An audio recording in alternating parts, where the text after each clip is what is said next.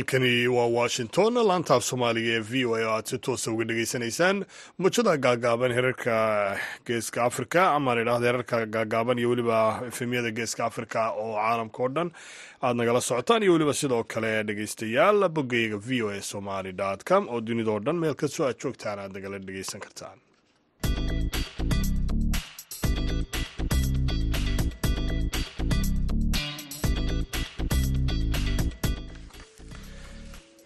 duhur wanaagsan dhammaantiinma dhegaystayaal meel kastoo aad joogtaanba waa isniin taarikhduna ay tahay shanta bisha februari ee sannadka laba kun iyo afariyo labaatan haatan dhegaystayaal saacadda afrikada bari waxa ay tilmaamaysaa kowdiyo barhkii duhurnimo idaacaddana waxaa halkan idinkala socodsiin doona anigoo ah cabdixakiin maxamuud shirwac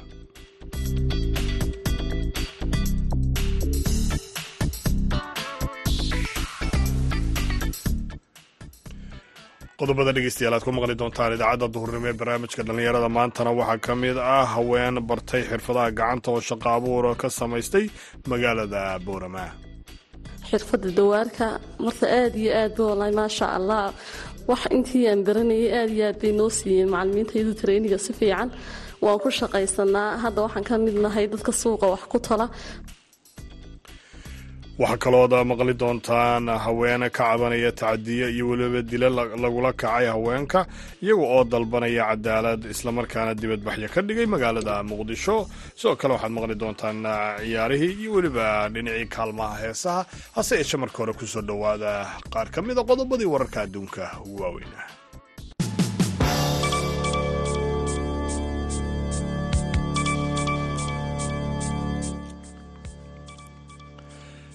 xogayaha arrimaha dibadda ee maraykanka antony blinkan ayaa socdaal cusub ku maraya bariga dhexe maantoo isniina. Socdaalkan ayay ujeeddadiisu tahay in lagu dardargeliyo heshiis cusub oo xabad joojin ah oo laga gaadho qasaa si ay xamaas u sii dayso dadka haysato war ama waa safarkii shanaad ee uu blinkan ku tago gobolka. Tan iyo markii uu dagaalku qase ka bilaabmay toddobadii bishii oktoobar ee sannadkii aynu soo dhaafnay. Waxaana uu ku soo beegmayaa maalmo kadib markii maraykanku uu weerar argosiya ku qaaday.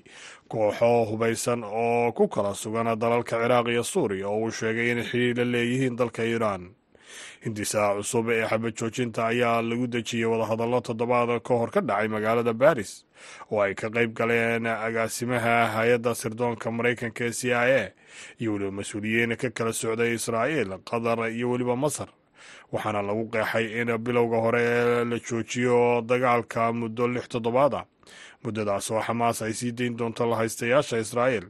Beddelkeedana israa'iil ay sii dayso falastiiniyiinta ay haysato sida laga soo xigtay ila ka tirsan xamaas bilinkan ayaa la filayaa inuu maanta booqashadiisa ka bilaabo sacuudi arabiya kadibna uu gudbo dalalka qatar masar iyadoo ugu dambayntana israa'iil uu u gudbi doono si uu ugala hadlo soo jeedintii ugu dambeysay ee xabad joojinta la xidhiidha mas'uuliyiinta waqooyiga dalka bakistan ayaa maanta sheegay in weerar ay soo qaadeen koox maleeshiya ah ay ku dhinteen ugu yaraan toban askari oo ka tirsan booliiska. Sidoo kalena ay ku dhaawacmeen lix kale ka hor doorashooyinka dalkaasi lagu wada inay ka qabsoomaan toddobaadkan. Weerarkan ayaa ka dhacay aagga ay maleeshiyaadku inta badan weerarka ku soo qaadeen deera oo ka tirsan ismaaciil khan. Halkaasi oo ay mas'uuliyiintu ayaa ku warameen in koox si xoogan u hubaysan oo ay xooga ku galeen saldhig boolis iyagoo adeegsanaya qoryaha bilaa dhawaaqa ah iyo weliba garnaylo sida oo kalena ciidamada ammaanka rasaas ooda kaga qaaday. Ka hor intaanay goobtaasi ka baxsan maleeshiyaadkaasi ma jirto cid sheegatay mas'uuliyadda weerarka balse waxaa la tuhunsan yahay kooxda taariikh daalibaan bakistan oo sidoo kale magacooda loo soo gaabiyo t t p kuwaas oo ah koox la mamnuucay oo inta badan weerara ku qaada ciidamada ammaanka ee ku sugan degmada khaybar ee gobolka bakhtumka dhaca amaba ku yaalla xuduudda dalkaasi uu la wadaago waddanka afghanistan. Bishii disembar ee aynu soo dhaafnayna maleeshiyaad iyo weliba xubno miinooyin ama bambaanooyin isu soo xidhay ayaa weerar ku qaaday saldhig military oo ku yaalla daraca oo ka tirsan ismaaciil khan. Iyadoo halkaasina ay ku dhinteen saddex iyo labaatan askari sidoo kalena ay tiro badan oo kale ay ku dhaawacmeen. Weerarkaas oo ahaa kii ugu dhimashada amaba khasaaraha badnaa ee taariikhda cusub ee dalka bakistan dhowaanahan soo maray dhegeystayaal qodobadii wararka adduunka ugu waaweyna waa naga intaa. Haatanna u diyaargarooba qaybaha dambe idaacadda duhurnimo ee barnaamijka dhallinyarada maanta.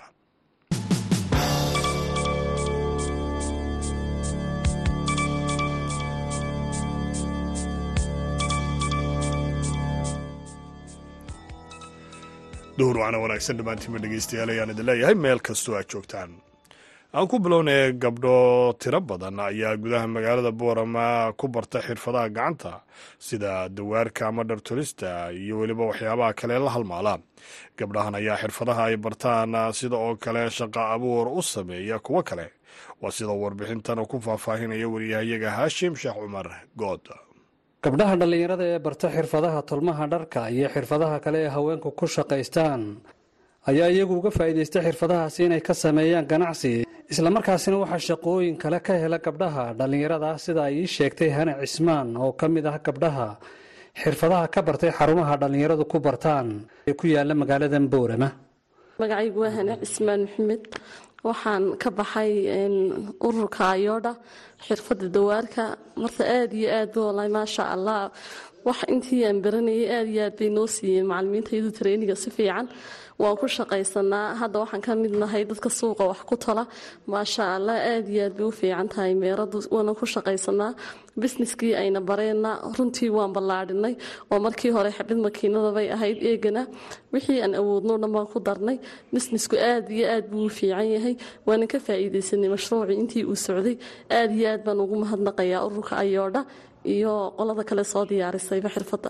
Intii aanad xirfadda dawaarka baran ka hor maxaad ka shaqayn jirtay? Waxba walaahi kamaan shaqaynin gurigaan fadhiyey laakiin hadda maasha allah qof bisnes oo shaqaysanaya baan ahay hadda. Makiinadda lagu toliyay dharka aad iminka ku shaqayso ee dawaarka yaa ku siiyey? Waxaa i siiyey ururka ayoodha ayaa i siiyey. Si qalab fiican oo wanaagsanna wayna siiyeen oo runtii wax kuu qaban karaa oo lagu guulaysan karo. Waayo makiinadahayna siiyey makiinado aada u fiican oo qaaliya bay haayeen. Annaguna waan ka faa'iidaysanay waana ku shaqaynaa intii karaankayaga ma sidii koox oo kale ayaad u wada shaqaysataan adiga iyo gabdhihii aad wada barateen farsamada gacanta mise adiga ayaa sii ballaadhiyey horta markii u horeysay ururka ayoodha waxayna bareen qofka si uu shaqaysan karo si uu bisnes u abuuri karo si uu bisnes u samaysan karo. Markaa xirfadayadii ayna bareen iyo ganacsigii ay noo dhigeenba intiiba waxaan ku samaysanay si aan bisneskeega aan ugu ballaadhino waana iska warhaynaa gabdhihii aan ka wada dhammaynay meesha. Suuqa ayayna ka wada shaqaystaan. Bisnesyadooda qof walba isagaa iska ballaadhsaday iyagu waxayna siiyeen makiinadaha. Annaguna waan ku shaqaynaa. Si fiicanna way noogu shaqaysaa maadaama adigu aad xirfaddii aad ka baratay aad shaqo ku heshay ganacsina aad ku abuurtay wax dhallinyara oo aad shaqo abuur u samaysay ma jiraan runtii marka ciidaha oo kale shaqada way badan tahay dad baan iska shaqaalaysiisanaa dadku inta badan waxayna weydiiyaan inay ayoodho tegaan oo wax ka soo faa'iidaystaan. Laakiin mashruucu iminka ma socdo laakiin dad badan ayaa sugaya wallahi inay ka faa'iidaystaan oo rajaynaya oo sugaya. Markii ay gabdhuhu arkeen in xirfaddii aad soo baratay aad shaqo ku heshay oo noloshaadii aad ku dabarayso gabdho kale oo magaalada ku nool oo aan xirfadahan barin ma ku weydiiyaan. Meesha aad ka baratay iyo inay ka baran karaan wallaahi runtii waa su'aasha ugu badan uu qof kastiiba i weydiiyo halkeed ka soo baratay. Hadda maan baran karaa dad aad iyo aad u badan baa markasta ii imaada. Dadku aad iyo aad bay ii weydiiyaan waxay walaal mashruucan halkeed ka soo baratay maan tegi karnaa. Annagooma la soo xidhiirsiiyaa macalimiinta intii ii timaada eegana dad aad u fara badan ayaa rajaynaya insha allah hadduu mashruucan soo noqdo inay ka faa'iidaystaan. Taasi waxay ahayd hane cismaan oo ka warramaysay aqoonta xirfadda tolmaha ee ay baratay dhowr sano ka hor iyo sida ay ugu shaqaysato laba ka mida gabdhaha dhallinyarada ah ee bartay xirfaddaasi korontada ayaa la hadlay idaacadda v o a. Magacaygu waa nimco muuse ibraahim. Maxaad ku xiisayseen inaad barato leydhka waxaan ogaaday inuu baahiyaha oo dhan asaasi u yahay leydhka wax keliyoo looga maarmaa ma jirto. Hadday tahay caafimaadka hadday tahay waxbarashada hadday tahay isgaadhsiinta wax kastoo nolosha. Ah qalabkan imika ee hay'adda ku siisay ku tababartay. Muxuu ka kooban yahay wuxuu ka kooban yahay waxyaabaha leydhka lagaga shaqeeyo sida kalbadaha xadhkaha lagu jarjaro mashiinka gidaarka lagu daluuliyo ee leydhka tumbooyinka loo raaciyo. Waxyaabahaasoo miidhan buu ka kooban yahay. Aniga way kala cadyiin mid kastaa wixii uu qabanayay inta badan waxaa ka shaqaysan jiray farsamadan raggaa ka shaqaysan jiray. Adoo gabadha ma isleedahay waad ku helaysaa shaqo? Waan isleeyahaa aad iyo aad baan u rajaynaya weliba. Gabadh kale ayadna halkan joogta oo iyaduna ah gabadh soo baratay korontada iyo laydhka xidhistiisa magacaygu waa asma. Muddada aan ku guda jiray ama aan baranayay xirfaddan laydhka waxay ahayd lix bilood. Haa waan ku shaqaysan doonaayoo maxay hadanay wax kastoo baahiyo aan uga baahdo waan ku qabsan karaa? Haashim sheekh cumar good v o a boorama. Sidoo kalena xirfaduhu waa qaar kor u qaada aqoonta dhallinyarada. Inta badanna haweenka iyagu fursadaha u hela barashada xirfadaha gacanta ayay isbeddel ku samaysaa noloshooda dhaqaale haashim sheekh cumar v o a boorama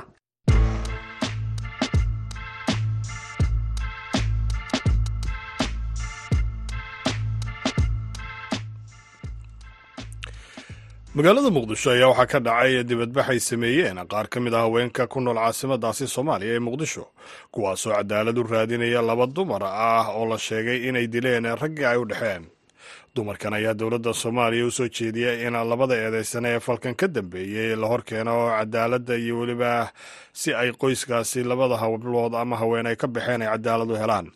Wariyaha v o a muqdisho cabdicasiis barrow ayaa warbixin arrintaasi ku saabsan nooga soo diray halkaasi.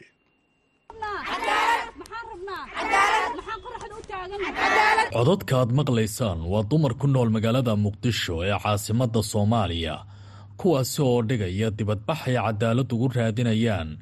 Laba dumar ah oo la sheegay dhowaan inay nolosha dhaafiyeen ragga ay u dhaxayeen oo ku kala noolaa magaalooyinka muqdisho iyo sidoo kale degmada qoryooley ee gobolka shabeellada hoose.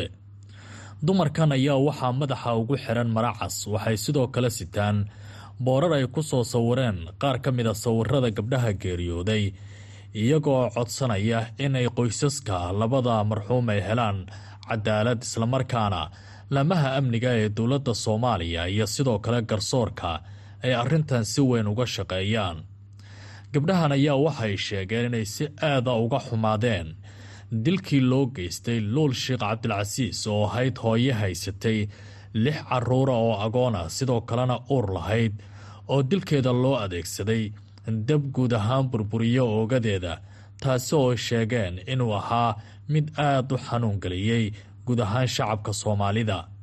Laamaha amniga ee dowladda soomaaliya iyo sidoo kale garsoorka ayay waxay ugu baaqeen in qoysaska labadaasi gabdhood ay ka baxeen ay cadaalad helaan lixda caruura haysato oo masaakiinta oo shaqaysanaysay oo waxaan ku carruurteeda ay agoon ahaayeen. Maantana ee rajo laga dhigay. Haddaysan cadaalad helin. Waxa waaye annaguna cadaalad ma helayna berri. Wax annagaa maanta nool. Annagaa maanta nool. Waxaan dhowranaynana ma jirto. Haweenka soomaaliyeed waxaa u xihan maaragta meel kasta waddo kastaan xidhaynaa haddaanan cadaalad helin. Waxaan rabnaa dowladda dowladda federaalka soomaaliya. Oo ugu horreeya madaxweyne rofesor doctor xasan sheekh inuu cadaalad cadaalad maanta si fiican buu ula hadlay ra'iisul wasaaraha amniga. Wuxuu yidhaahday waxa aad haysaan waxba kama jiraan waay haddaysan gabadhan cadaalad helin. Annaguna taas baan taagannaha aaladda luul cabdicasiis cadaalad in la tuso oo la xaqirin oo madaxa loogu istaagin oo bacmadoow iyo wax balaayla daba dhigin.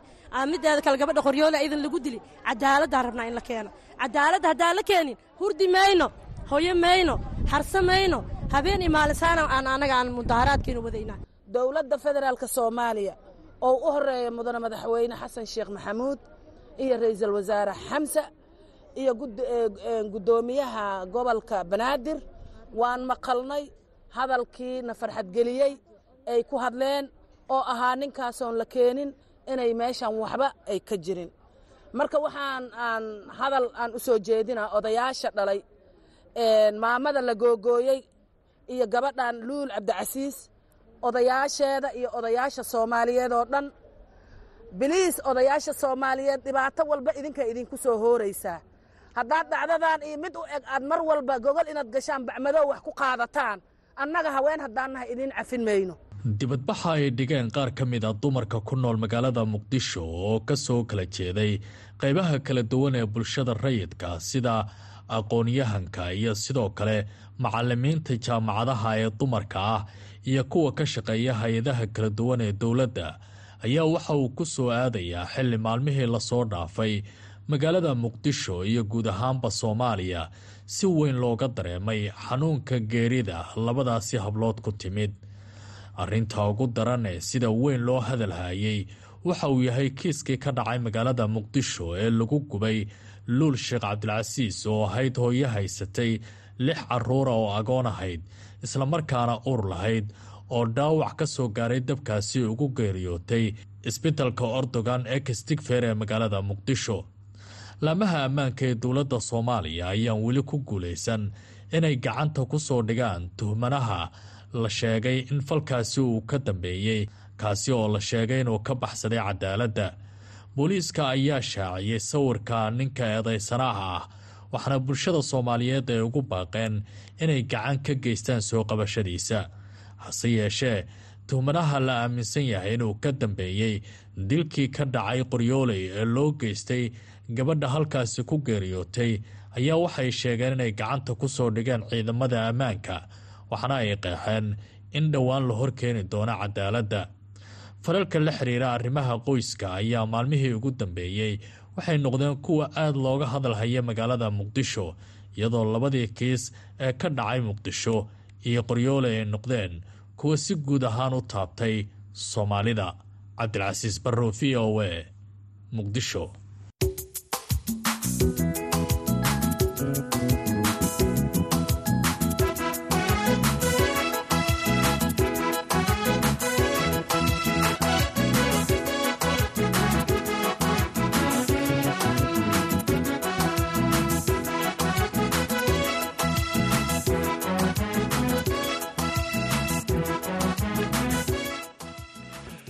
mar kale ayaan idin leeyahay dhammaantiinba duuruucana wanaagsan meel kastoo aad joogtaanba. Dunida ayaa maalintii shalay laga xusay la dagaalanka xanuunka kansarka. Soomaalida qurbaha ayaa iyaga dhinacooga la sheegayaa in uu ku soo badanaya xanuunkan.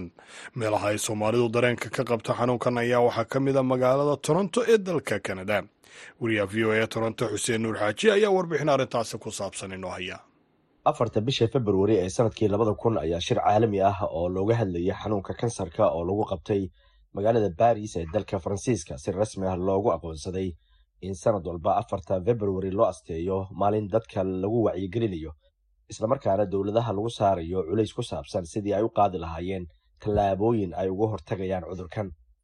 Halkudhigga sanadkan iyo labadii sane ee ka horreeyey ayaa ah sidii loo yareyn lahaa farqiga dhanka daryeelka ah ee u dhexeeya dadka la ildaran xanuunkan. Sida ay xilli sii horreysay sheegtay hay'adda caafimaadka adduunka ee loo soo gaabiyo w h o ku dhowaad toban milyan oo qof ayaa sanad walba u dhinta xanuunka kansarka. Soomaalida ku nool gudaha dalka iyo kuwa qurbaha ayaa lagu soo warramayaa inuu ku badanayo xanuunka kansarka. Farxaan cali jimcaale wuxuu ka mid yahay aqoon-yahanada soomaalida ee degan magaaladan toronto. Dhowaan wuxuu tegey soomaaliya iyo dalka hindiya isagoo wehlinaya qof qaba xanuunka kansarka wuxuu iiga warramay waxyaabaha uu soo arkay ee la xidhiira wacyiga soomaalida marka laga hadlayo cudurka kansarka. Bismillaah xuseeno waa mahadsan tahay. Soomaalida cudurkan waxay u arkaan mugga iyo miisaanka uu leeyahay mid lamida oo waxay u arkaan inuu yahay cudur halis ah oo dilaa ah islamarkaana dadka aad ugu gabada. Waxaad moodaa inay aad u wacyigeshan yihiin bacdamaa qof walba uu kuu sheegaya dad uu yaqaano ee cudurkan u dilay ama uu halis geliyey inta badanna wuu dilaa dadka soomaalida ah. Sababo la xiriira cudurka oo ah cudur aad mataqaanaa aan aan marka hore qofka xanuun ku qabanaynin intuu jirka markuu galayo ku bilaabanayo ama ku faafayo tan kale xuseenow markii aan soomaaliya tegey oo dadka aan la wareystay iyo sidoo kale indiya tegey dadku way shoogsan yihiin waxay aad uga shoogsan yihiin xawaaraha iyo uu ku socdo cudurkan iyo sida uu u faafayo oo ah si aan caadi ahayn beled iyo baadiyaba uu gaarayo. Marka dadku waxay aad mataqaanaa isku hayaan waxa keenay cudurkan iyo sababaha keenay inuu saan sida zaa'idka ugu faafo. Dadku waxay soo jeedinayaan markaa dowladda iyo hay'adaha caafimaadka in ay sameeyaan baaritaano ku aadan cudurkan waxa faafinaya ee sababay inuu sida caadiga ahaa si dhaafsiisan uu u faafo. Yaasiin abikar waa suxufi muddo degan dalkan kanada waxaan wax ka weydiiyey arrimaha la xiriira soomaalida kanada ee xanuunka kansarka xuseen dalkan aynu ku noolnahay xanuunka kansarka sida dadka kale ugu dhacayo soomaalidana ugu dhacaa walow hadda dadka soomaaliya jooga la sheegay inuu si aad ugu samatay cudurkan. Dabcan soomaalida qurbaha ku nool ayagaba aad ayuu ugu dhacaa cudurkan. Kuwa qurbaha jooga kuwa dalka jooga waxay kaga duwan yihiin oo keliya waxay haystaan dawooyinkii looga hortegi lahaa heerarka kala duwan cudurka markaasi marayo taas ayaa laga yaabaa inay ay caawiso mararka qaar dadka qurbaha jooga walow ay jiraan dad badan oo soomaali ah oo qurba jooga oo mataqaana cudurkan ay u dhinteen. Soomaali badan ayaa aadaa dalka hindiya si ay isaga daweeyaan cudurka kansarka. Farxaan cali jimcaale ayaan mar kale weydiiyey waxyaabaha uu kula kulmay marka uu tegey dalkaasi hindiya. Markaan indiya tegay isbitaalada qaarkood waxaad moodaa isbitaal ku yaalla soomaaliya. Marka aad fiirisid wetin holka soomaalida siday u safan yihiin. Xaafadaha qaar soomaalidu waxay ka dhegan yihiin dhismooyin lixlix dabaq toddoba todoba dabaq ah oo soomaali ay wada degan yihiin. Dareeqa maqaayadahaas mataqaana dadkaasoo dhan intooda badan. Waxaa loo keenaa cudurkaas kansarka ay u yimaadaan. Iyo xoogaa yaroo cudurra yaryar ah iyo waxyaabo kaloo dheri way jiraan oo caafimaad ahaan loo yimaado. Laakiin inta badan waxay soomaalida intii u tagaan waa kansar weliba magaalada hyderabad. Runtii haddaan la helin dad iska xilqaama oo iska saara xuseenow xil iska saara mas'uuliyad iska saara ama dowladda ganacsatada dadka waxgaradka ah. Haddaan la helin waa loo baqaa dadka soomaalida ah. Soomaalida dhexdeeda waxaa socda wacyigelin ballaaran oo la xiriirta sidii aan loo qarsan lahayn cudurka kansarka islamarkaana loo raadsan lahaa daryeel caafimaad kuwooda heli kara. Xuseen nuur xaaji v o a toronto wagaag dhegeystayaal xuseen aad iyo aad ayuu mahadsan yahay. Halka weli aad nagala socotaana waa idaacadda duhurnimo ee barnaamijka dhalinyarada maanta. Gabagabadii idaacaddeen maraynaya haatanna aynu jalleecno dhinacii kaalmaha heesaha